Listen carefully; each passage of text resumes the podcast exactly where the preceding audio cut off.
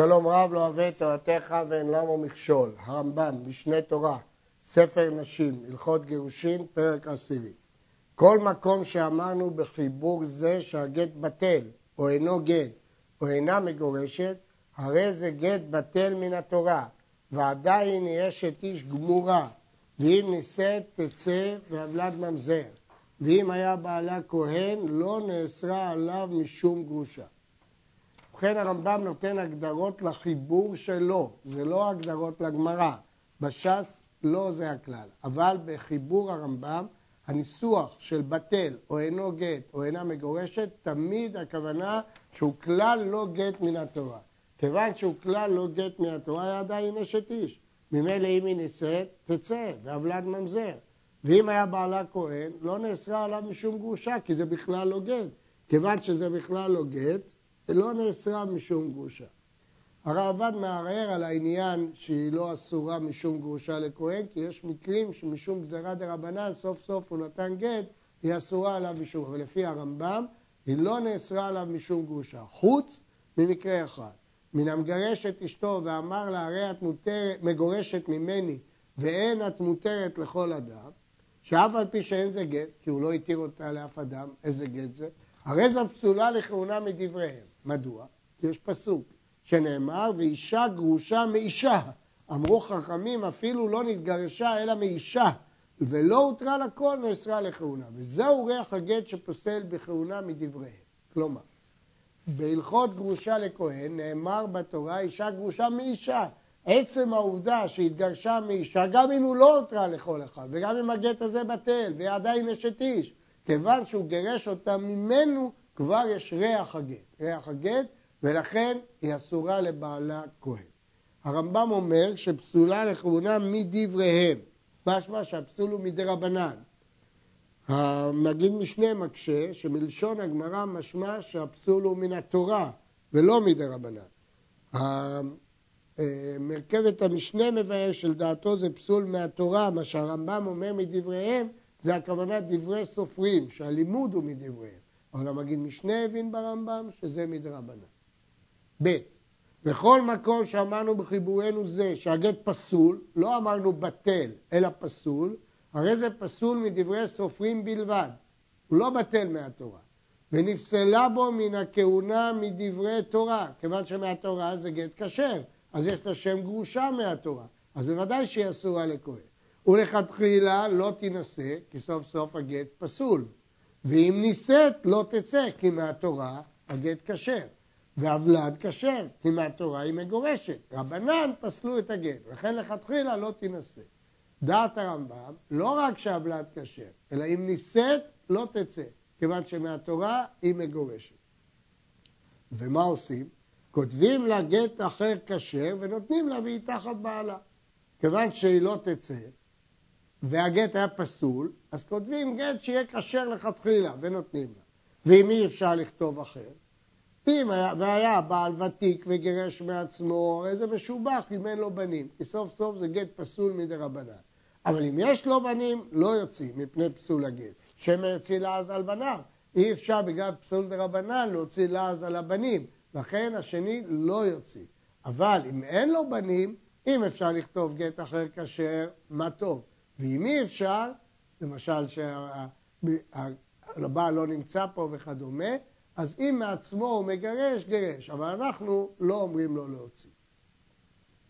הכלל השלישי, בכל מקום שאמרנו בחיבור זה, הרי זה ספק גירושין, או שהיא ספק מגורשת, נשים לב. בהלכה הקודמת דיברנו על פסול, פסול מדי רבנן. בהלכה זו אנחנו מדברים על ספק. מה הדין של ספק? לא תינשא, כי ספק אשת איש. ואם נישאת, תצא, כי ספק אשת איש. והוולד, מהשני, ספק ממזר, מפני שהיא ספק ערווה, היא ספק אשת איש. אז לכן הוולד ספק ממזר. הוא לא ממזר ודאי, כיוון שזה ספק גט, אבל הוא לא כשר, כיוון שהיא ספק אשת איש, לכן הוא ספק ממזר. וכן אם גירש את אשתו בגט פסול, או שהייתה ספק מגורשת, ורצה להחזירה, הרי זו מותרת לבעלה. ואינו צריך לחדש הנישואין ולברך שבע ברכות ולכתוב כתובה עד שתתגרש גירושין גמורים. הוא גירש את אשתו בגט פסול, והיא לא נישאת לאחר. או שהייתה ספק מגורשת, היא לא נישאת לאחר, הוא רוצה להחזיר אותה. היא מותרת לבעלה. כותב המגיד משנה, בוודאי שצריך לקדשה. הרי יש גט, אמנם גט פסול או ספק, אבל צריך, יש גט. לכן צריך לקדש אותה. אז מה הכוונת הרמב"ם שהיא מותרת לבעלה? שאינו צריך לחדש נישואים ולברך שבע ברכות. כיוון שספק ברכות להקל, אז לא צריך אה, שבע ברכות. כסף משנה חולק וסובר מתשובת מערי קולון שאין צורך אפילו בקידושין. מדוע? הרי היא ספק מגורשת, כי יש לה חזקת אשת איש. העומד אישה על חזקתה.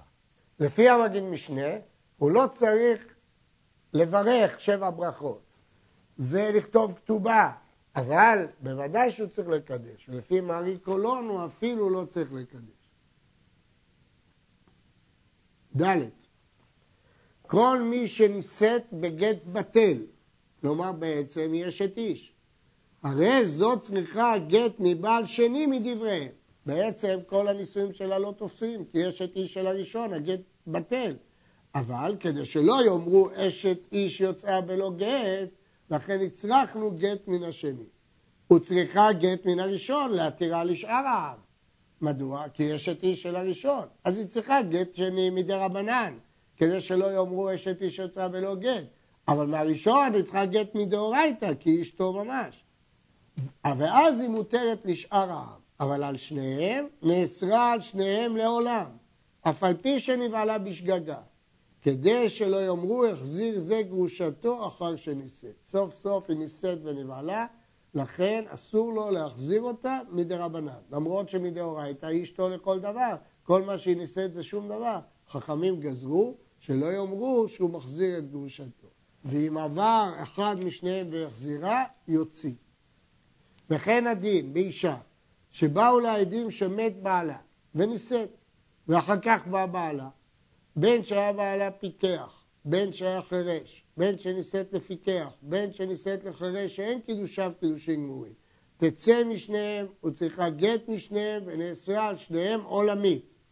מהשני תצא, כי התברר שהיא אשת איש, אז בוודאי שהיא צריכה לצאת מהשני. ומהראשון למה היא צריכה לצאת? כיוון שלא יאמרו מחזיר גרושתו, כיוון שהיא נישאת לאחר. אז צריכה, וצריכה גט משניהם. מפני הטעמים שאמרנו בהלכה הקודמת, ונאסרה על שניהם עולמי. הלכה ו' הרי שנתקדשה ואחר כך בא בעלה, היא לא נישאת, היא רק התקדשה, התארסה, או נמצא הגט בטל, היא התארסה ובא בעלה, או כמו המקרה הקודם, התברר שהגט בטל, הרי זו מותרת לבעלה ואינה צריכה גט משני. למה? כי בעצם היא אשת איש של הראשון. שאין קידושין תופסים באריות, אז הקידושין של השני לא תפסו. ולמה לא נחשוש את החשש שחששנו כשנישאת? אין חוששים שמא יאמרו אשת איש שיוצאה בלא גט, כיוון שלא נישאת. אנשים רואים שהיא לא נישאת. יאמרו, תנאי היה בקידושין ולא נתקיים. לפעמים יש קידושין שמתבטלים, ולכן אנשים לא יאמרו שום דבר, והיא חוזרת לבעלה הראשון. האישה שנישאת ואחר כך נמצא הגט בטל, או בא בעלה אחר ששמעה שמת, שאמרנו שהיא צריכה לצאת משניהם, והיא צריכה גט משניהם. אין הבעל הראשון והשני זכאים לא במציאתה ולא במעשה ידיה ולא בהפר נדריה. כל הטעם של זכויות של הבעל במציאה, בגלל איבה, שהוא לא יכעס על אשתו, וכאן מעוניינים שתהיה איבה, כי רוצים שהוא יגרש אותה. ולא במעשה ידיה, כיוון שהיא לא ניזונת ממנו. ולא בהפר נדריה, כדי שתתגנה עליו ויגרש אותה. וכל פירות שאכלו שניהם אחר שנישאת, אין מוציאים מהם. לא מוציאים את הפירות שאכלו, בין לפני שנודע, בין אחר שנודע, לא מוציאים. ואין לה כתובה ולא תנאי מתנאי כתובה ולא מזונות, לא על זה ולא על זה.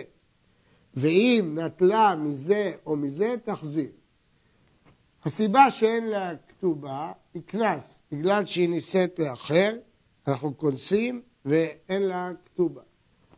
השני, ודאי שאין לה כתובה, כי מתברר שהיא לא אשתו בכלל. וכל מה שבלה או עבד מנכסיה, אפילו מנכסי צאן ברזל, אין מוציאים אותם.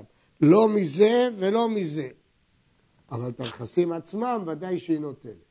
ואם והבלד מן השני ממזר, מכיוון שיש את איש של הראשון, אז הוולד מהשני הוא ממזר מהתורה. ואם בעלי הראשון קודם שיגרש השני, הרי הוולד ממזר מדבריהם. הוא בעצם לא ממזר מהתורה, כי בעצם אשתו, כי הגט בטל.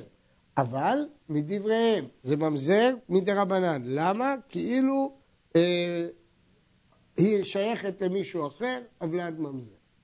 גרשה השני ונטלה ממנו כתובה, ואחר כך בא בעלה או נמצא הגט בטל, כל הסיפור הזה שהתברר שהגירושין לא גירושין זה אחרי שהיא כבר קיבלה כתובה מהשני, אין מוציאים מידה מה שנטלה. לא מן המזונות ולא מן הכתובה. כיוון שכשהיא נטלה, היא נטלה על דעת שהוא בעלה, על דעת זה הוא נשא אותה, ולכן לא מוציאים מידה.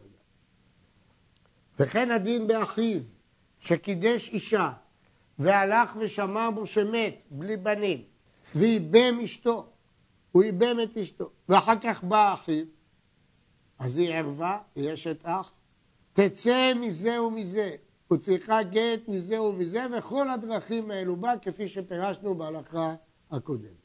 וכן אם קידש אישה והלכה למדינה אחרת, ושמע שמתה, ונשא אחותה, ואחר כך נודע שלא מתה, אז ברור שקידושי אחותה לא תפסו, כי זה ערווה, צריכות שתי ממנו גט וכל הדרכים האלו בהם. אני מדגיש, כלפי אחד תמיד יש את איש מהתורה, ורק מדרבנן היא צריכה גט, והבלד לא זה כלפי השני, זה מהתורה, לא תפס כלום, ולכן יש את איש גמורה. למשל, כאן שהוא קידש את אחותה היא ערווה, היא ערווה מהתורה. ולכן ברור שכלפי זה שנשא ערווה היא ערווה מן התורה, כלפי השני זה מדרבנן. אבל אם הלכה אשתו הנשואה למדינה אחרת, ושמע בה שמת, ונשא אחותה, ונמצאת אשתו קיימת, אין אחותה צריכה ממנו גט ואשתו מותרת. הוא נשא את אחותה, והתברר שאשתו חיה. אז כל קידושי אחותה לא תפסו בכלל, ולכן אשתו מותרת. וכאן לא גזרו מדרבנן שצריכה ממנו גט. לא הצריכו פה גט שני מדרבנן. וכן שאר הראיות שנשאן בחזקת היתר ונמצאו ערווה, אינן צריכות גט. שאין קידושין תופסים באריות. כלומר, כל מה שהצרכנו גט זה רק במקרים ששנינו קודם. שהגט התברר כבטל ובינתיים היא נישאת לאחר, או שחשבו שבעלה מת והיא נישאת ואחר כך הוא בא, או אחיו שקידש ושמעו שמת, שם היא נאסרת לשניהם. ומפני מה הצריכו אחות ארוסתו גט? הרי אמרנו בהלכה ט' שבמקרה שהוא נשא את אחותה ונמצאת אשתו קיימת, אין אחותה צריכה ממנו גט. ולמה באחות ארוסתו הצריכו גט? שמא יאמרו, תנאי היה באירוסין, וכדת נשא אחותה, והואיל ויצאה אחותה בגט, אחותה שארוסתו ראשונה אסורה כדי שלא יאמרו נשא אחות גרושתו. כלומר, יש הבדל גדול בין מקרה שנשא את אחותה לבין אם הוא קידש אישה. כאשר הוא קידש אישה היא רק מאורסת. ולכן כשבני אדם רואים שהוא נשא אישה אחרת, אחותה, מה הם יגידו? כנראה שהאירוסין של הראשון לא תפסו. וכיוון שהאירוסין של הראשון לא תפסו, יחשבו שהיא באמת נשואה לשנייה, לכן צריך גט. כיוון שצריך גט, היא נאסרת על שני, שתיהן. אבל כאשר הוא נשא אישה, ואז לאחר מכן הוא שמע שמתה ונשא אחותה, פה קידושים בכלל לא תופסים, אנשים לא יטעו, יודעים שקידושים לא תופסים באריות. ולכן הראשונה חוזרת אליו, והשנייה לא צריכה גט בכלל. נסכם ונאמר, כל מקום שאפשר שאנשים יטעו, הצריכו גט. ואם הצריכו גט, אסור לו להחזיר, כי זה מחזיר גרושתו. אבל מקום שאנשים לא יטעו, אז אין צורך בגט. לכן יש הבדל בין אשתו הנשואה לבין אשתו המאורסת. כתב הסופר וטעה, ונתן גט לאיש ושובר לאישה, או שטעו הן ונטל הבעל הגט ונטלה היא השובה, וכמדומה להם שנתגרשה. ולאחר זמן, הרי הגט יוצא מתחת ידי האיש. התברר שהייתה פה טעות, שהגט שהבעל היה צריך לתת לאישה, כנראה שבמקום זה הוא נתן את הקבלה של הכתובה, את השובר, והוא לא נתן את הגט, כיוון שהגט אצלו, אצל האיש, והשובר אצל האישה. אז לכאורה ברור שלא היו פה גירושין. אם לא נישאת, הרי זו אינה מגורשת, ונתגלה הדבר שעדיין לא נתגרשה, ייתן לה גט בפנינו, תהיה מגורשת בשעת נתינתו. יתברר בוודאות שהיא לא מגורשת, כי עובדה שהגט אצלו והשובר אצלה, וכנראה הם החליפו את הגט בשובר, ולכן צריך לתת גט אחר. החידוש הוא בסעיף. ואם נישאת ואחר כך הוציא הבעל את הגט ואמר עדיין לא נתגרשה שהגט גט בידי ולא הגיע לידה, אין שומעים לו לאוסרה על בעלה. הרי זה בחזקת גרושה ונפל הגט מידה, ומצאו זה, והרי בא לאוסרה על בעלה השני.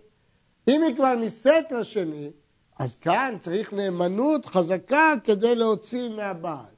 הנאמנות הזאת לא קיימת פה. מדוע? אמנם הבעל תופס גט, אז מה?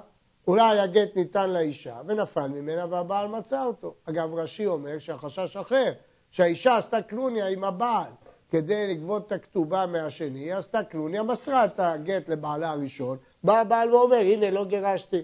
אין פה שום הוכחה שהוא לא גירש. כאשר היא לא נישאת לאחר, אנחנו סומכים על הסברה הזאת שאם הגט בידו, כנראה הוא לא גירש. אבל כשהיא נישאת לאחר, הסברה הזאת שהוא תופס את הגט, אין לה כוח להוציא אישה מיד בעלה. המוציא את אשתו משום שם רע, או משום שהיא פרוצה בנדרים. אומרים לו, הודיעה שמפני זה אתה מוציאה כדי לייסרה, ודע שאתה, שאין אתה מחזירה לעולם, אפילו שהיא לא נישאת לאחר. ומפני מה מוציא את זו לא יחזירנה לעולם. גזרה, שמת תינשא לאחר. ותעשה תשובה, ותהיה צנועה תחתיו. ויאמר הראשון, אילו הייתי יודע שכן, הוא לא הייתי מגרשה. ונמצא כמגרש על תנאי, ולא נתקיים, שימצא הגט בטל למפרע. לפיכך אומרים לו, גמור בלבך לגרשה, שאין זו חוזרת לך לעולם. ואם עבר והחזיר קודם שנתקדשה לאחר, לא יוצא. ובכן, יש פה בעיה. אדם מוציא את אשתו משום שם רע. משום שהיא פרוצה. יש חשש שהיא תתחתן לאחר ותחזור בתשובה ותהיה צדיקה, ואז הוא יגיד, אני גירשתי אותה רק על תנאי שהיא פרוצה, תתברר שהיא לא פרוצה, הגט בטל, ואז הבנים מהשני יהיו ממזרים, והוא ירצה להחזיר אותה. לכן אומרים לו מראש, דע לך, עכשיו כשאתה מגרש, אתה מגרש לעולם, לא על תנאי. לא משנה אם היא תחזור בתשובה או לא תחזור בתשובה, אתה לא מחזיר אותה. כדי לצאת מהחשש הזה, יש מחלוקת בראשי ותוספות, האם החשש הזה הוא אמיתי, באמת שהגט הזה הוא גט על תנאי והתבטל, או לא, אין דבר כזה, הרי הוא לא יתנה שום תנאי, אלא שהוא יטען כך, ויהיה לעז על הבנים שהם ממזרים, לא שבאמת יהיו ממזרים. מלשון הרמב"ם קשה לדייק, הרמב"ם אומר כמגרש על תנאי ולא נתקיים. שנמצא הגט בטל למפרע, כמגרש, השאלה אם כוונתו שבאמת זה יהיה גט בטל למפרע ויש חשש שהבנים ממזרים, או שהוא יוציא לעז, רק הוא יגיד שהבנים ממזרים. בכל אופן, בין כך ובין כך, אנחנו רוצים למנוע את המצב הזה, והוא אומר לה בדיוק מדוע הוא מוציא אותה, כדי שלא יהיו בנות ישראל פרוצות, כפי שלמדנו קודם, הודיעה כדי לייסרה, וגם הסבר שני, לא רק כדי לייסרה, אלא כדי שלא מחר תגיד, הנה היא חזרה בתשובה. לא, אתה צריך להגיד לה, אני מוציא אותך מהסביבה הזאת וזה לעולמי. לא משנה מה יקרה בעתיד. אם בדיעבד הוא עבר והחזיר אותה לפני שהתקדשה לאחר, לא יוציא, כי זה רק דין דרבנן. וכן המוציא את אשתו משום העילונית, או משום שרואה דם בכל עת תשמיש, הרי זה לא יחזיר לעולם. שמא תינשא לאחר ותלד העילונית, ותתרפא הנידה, ויאמר, אילו הייתי יודע שכן הוא, לא הייתי מגרש, ונמצא הגט בטל והבנים ממזרים. שוב אותו חשש. הוא יגיד, אילו הייתי יודע שיש לה רפואה למכתה, לא הייתי מגרש. ונמצא שהבנים מהשנים ממזרים, לכן אומרים לו, אתה לא תוכל להחזיר לעולם. הגט הזה הוא גט גמור, גם אם היא תתרפא בעתיד. ואם עבר ויחזיר, קודם שהיא נישאת לאחר כמובן, לא יוצא. שליח שהביא גט חוצה לארץ ואמר בפניי נכתב ובפניי נכתב, הרי זה לא יישאנה, שאנו חוששים שמעיניו נתן בה ולפיכך העיד לה. הרי בגלל העדות שלו הכשרנו את הגט, כיוון שהשליח בא ואמר בפניי נכתב ובפניי נכתב, האמנו לו כשניים, בגלל תקנת עגונות. אם רואים שאחר כך הוא יישא אותה, יש חשש שבגלל זה הוא העיד, ולכן לא יסיים. וכן עד אחד שהעיד לאישה שמת בעלה ונישאת על פיו, אנחנו נלמד בהמשך, שמפני תקנת עגונות, וכיוון שהדבר עתיד להתברר, אז עד אחד מספיק כדי להתיר אישה לבעלה אם הוא אומר שמת. עדות מיתה זה כולה מיוחדת, שעל סמך עד אחד אפשר להתיר אישה להינשא. הרי זה לא יישאנה, כי אולי הוא נתן בה עיניו, ולכן הוא העיד שמת בעלה. וכן החכם שעשה את האישה בנדר על בעלה, הרי זה לא יישאנה, כי אולי הסיבה שהוא עשה הוא מפני שעיניו נתן בה. וכן הנטען על השפחה ונשתחררה, על הנוכרית ונתגיירה, הרי זה לא יישאנה. אם יש לעז, יש חשש, יש טענות בינו לבין השפחה, עכשיו הוא משחרר אותה ונושא אותה, אז יש פה מין קיום של הלעז הזה, לכן לא יישאנה. וכן גוי ועבד הבעל בת ישראל, אף על פי שחזר הגוי ונתגייר, העבד ונשתחרר, הרי זה לא יישאנה. למה? כי אנחנו חושדים שכל הסיבה של הגיור הזה וכל הסיבה של השחרור של העבד זה בגלל שהם באו עליה מקודם ולכן לא יישאנה. וכולם, אם עברו ונשאו, אין מוציאים מידם. כיוון שכל זה זה רק דין לכתחילה, אבל בדיעבד לא. הרמב"ן היה סבור שעד המעיד לאישה אפילו כנס יוציא, וגם הרשב"א, אבל הגאונים פוסקים כמו הרמב"ם, שבדיעבד אם עברו ונשאו אין מוציאים מידם, כי זה רק דין לכתחילה מפני לעז וחשש. וכולם שהיו להם נשים ומתו נשותיהם, או נתגרשו, והיו הנשים הם שהרגילו את בעליהם לגרשם. הרי אלו מותרות להינשא להם לכתחילה. מה פירוש? בשעה שהוא העיד, או בשעה שהוא התיר את האישה, הייתה לו אישה. ולכן אין חשש שהוא נתן עיניו, כי יש לו אישה. אלא אם כן רואים שאחר כך הוא מגרש את האישה ביוזמתו, אז החשד עוד יותר מתגבר. אבל אם הוא גירש את אשתו ביוזמתה ולא ביוזמתו, אין חשש שמא עיניו נתן באחר. וכן אם הלכו נשים אלו ונישאו לאחרים, אנשים שהתירו אותם, ונתאלמנו ונתגרשו, הרי אלו מותרות להינשא להם לכתחילה. אנחנו לא חושדים שהעד הזה תכנן להתיר אותה, ושהיא תינשא לאחר, והוא תכנן שאחר יתאלמן, ואחר כך הוא יישא אותה, מניין לא כל זה. ולכן כאן מותרת להינשא. וכל אחת מהן מותרת להינשא לבין העד שהעיד לה, או לבין החכם שאסרה על בעלה, או לבין הנטען עליה, או לשאר קרוביהם, שאין אדם חוטא כדי שיהנה אחר. אנחנו לא חושדים שהעד יעיד עדות שקר כדי שהבן שלו יישא את האישה הזאת. מילא אם הוא נתן עיניו בה, אז יצרו את כפו, והוא העיד עדות שקר. אבל כדי שקרובו יישא אותה, הוא לא העיד. ומותרת האישה להינשא לאחד מעדי גירושיה, או מעדי מעוניה, או לאחד מהדיינים שחלצה בפניהם. למה? אולי אם נתן בה את עיניו, כיוון שזה שני עדים, או בדין, פה לא חוששים. שאין חוששים אלא לעדות אחד. ולעולם יתרחק אדם מעדות מיעון ויתקרב לחליצה. יש עניין, כתוב בגמרא, שיש עניין לאדם לדאוג שתהיה חליצה.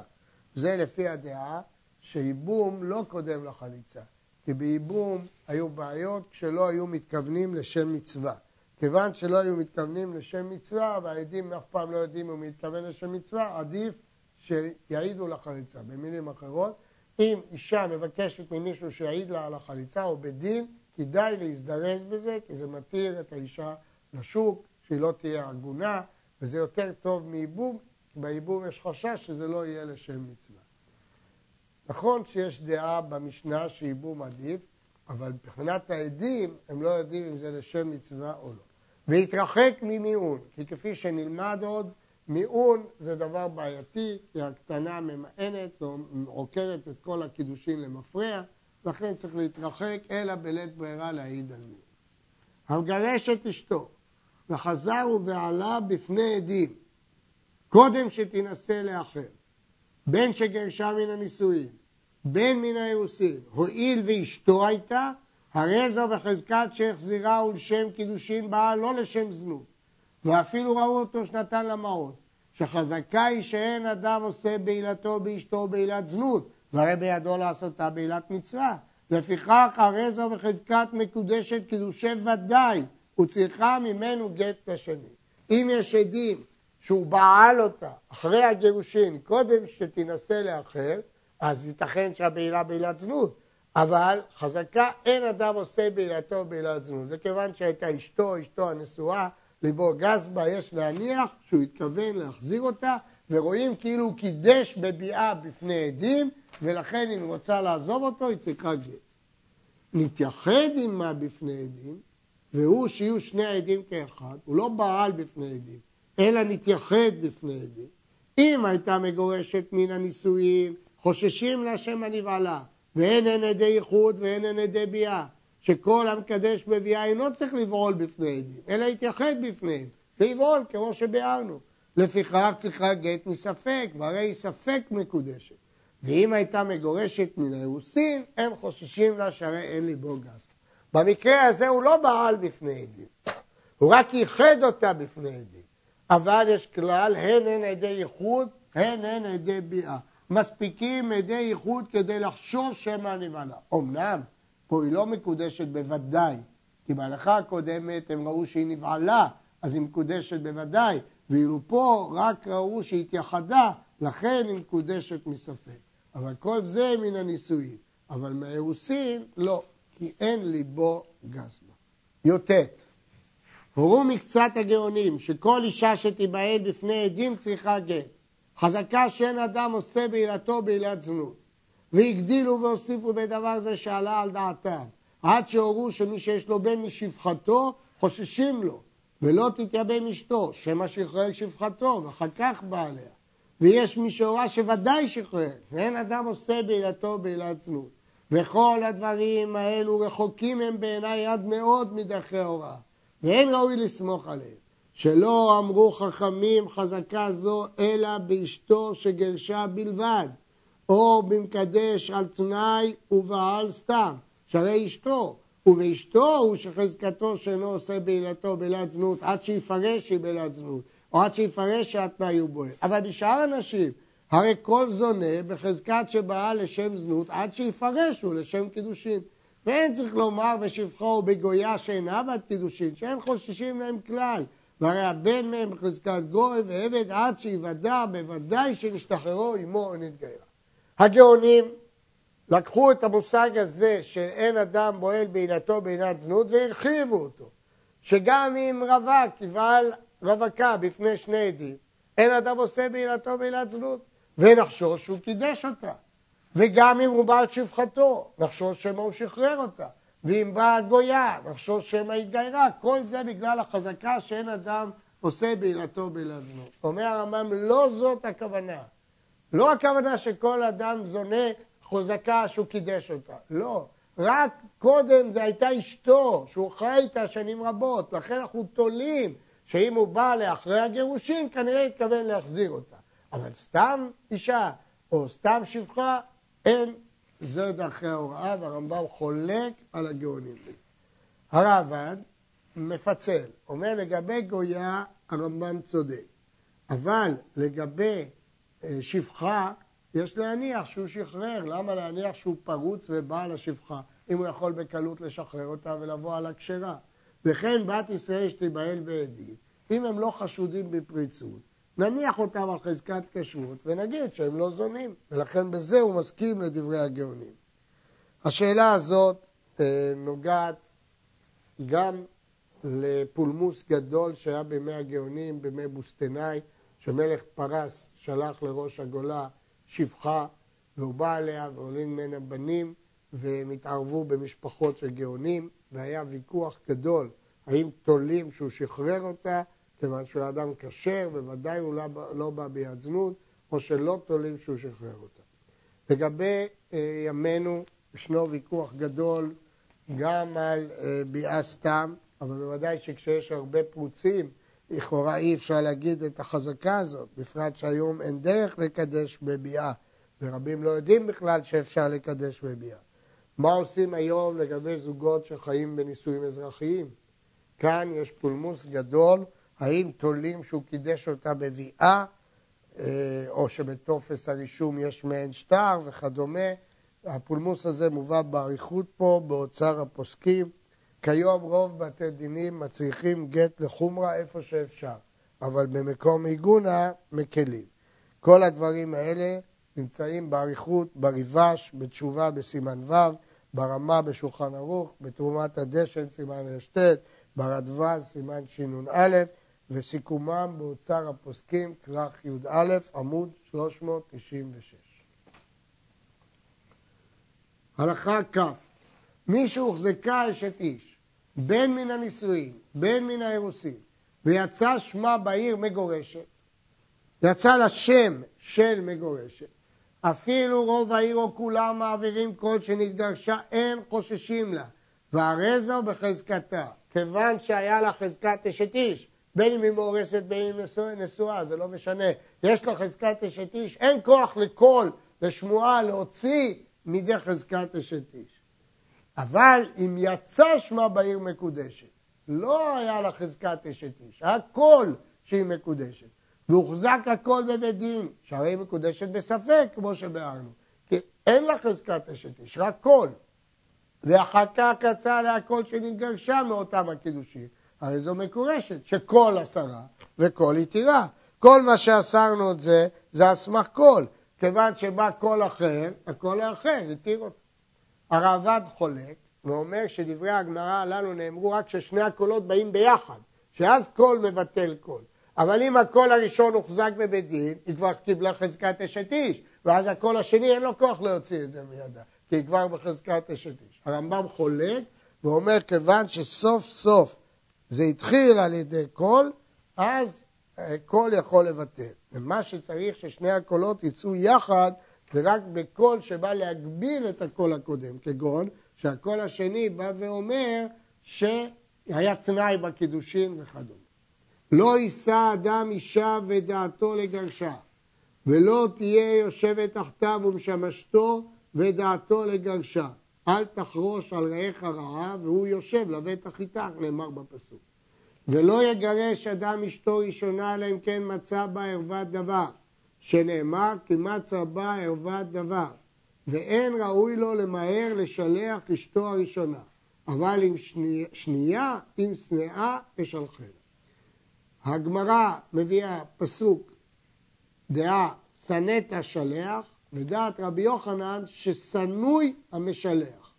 על סמך הפסוק שנא שלח, שני פירושים, ולא פליגי, הא בזיווג ראשון, הא בזיווג שני. בזיווג ראשון לא לשלח על סמך סתם שנאה, אלא רק ערוות דבר. ערוות דבר לאו דווקא זנות, אלא ערוות דבר כדעת בית הלל. אבל לא סתם בגלל שהיא לא מוצאת חן בעיניו. אבל באשתו שנייה, עם שנאה יכול לשלח. אישה רעה בדעותיה, ושאינה צנועה כבנות ישראל הכשרות, מצווה לגרשה, שנאמר גרש לץ ועצי מדון. ואישה שנתגרשה משום פריצות, אין ראוי לאדם כשר שישאנה. שאין זה מוציא רשעה מביתו וזה מכניסה לתוך ביתו? לכן לא ראוי לאדם כשר להישאל. מי שנתחרשה אשתו, הרי זה מגרשה בגט ותהיה גרושה. למרות שהיא נתחרשה, הוא יכול לגרש אותה. מדוע? כיוון שאישה מתגרשת בעל כורחה. כיוון שאישה מתגרשת בעל כורחה, אז אפילו שהיא חירשת, הוא יכול לגרש אותה. אבל אם נשתתת, אינו מוציאה עד שתבריא. למה? לא כי הוא לא יכול לתת לה גט, אלא מסיבה אחרת. דבר זה תקנת חכמים הוא, כדי שלא תהיה הפקר לפרוצים, שהרי אינה יכולה לשמור את עצמה. אם היא יודעת לשמור את גיתה ולא יודעת לשמור את עצמה, אז חכמים תיקנו שלא יגרש אותה כדי שלא תהיה הפקר, כי היא לא יכולה לשמור את עצמה. מה הדין אם היא גם לא יודעת לשמור את עצמה, את גיתה, כאן יש דעות שמהתורה הוא לא יכול לגרש, כי זה נקרא משלחה וחוזרת, אבל הרמב"ם לא חילק. הרמב"ם לא חילק אם היא קטנה שלא יודעת לשמור את גיתה או שכן יודעת לשמור את גיתה, הוא רק אמר שאם היא לא יכולה לשמור את עצמה, הוא לא יכול לגרש אותה לא תהיה, כדי שלא תהיה הפקר. לפיכך, מה יעשה? מניחה ונושא אחרת, מתירים לו לישא אישה אחרת, ומאכילה ומשקה משלה, ואין מחייבים אותו בשאר כסות ועונה, שאין כוח בבן דעת לדור עם השוטים בבית אחד. אי אפשר להכריח אדם לדור עם אישה שותה. אז מה שהוא צריך, לתת לה מדור משלה, לאכילה ולהשקעה משלה, הוא לא חייב בשאר כסות ועונה. ואינו חייב לרפותה ולא לפדותה. הוא לא חייב לא ברפואתה ולא בפדיונה, כיוון שהוא לא גר איתה. כיוון שהוא לא גר איתה, אז מה שייך שיהיה לו בה חיובי? יש חולקים על הרמב"ם. דעת הרמה שהוא חייב במזונותיה וכל תנאי כתובתה, חוץ מתשמיש המיטה. דעת הרייבד שהוא חייב גם ברפואתה. ואם גרשה, הרי זו מגורשת, ומציעה מביתו ואינו חייב לחזור ולטפל בה. בדיעבד, אם גירש אותה, היא מגורשת. כך פוסק גם השולחן ערוך כדעת הרמב"ם, שאם גרשה מגורשת. הרמה מביא דעה שגם בדיעבד אינה מגורשת. כיוון שאמרו חכמים לא לגרש אותה, גם בדיעבד אינה מגורשת.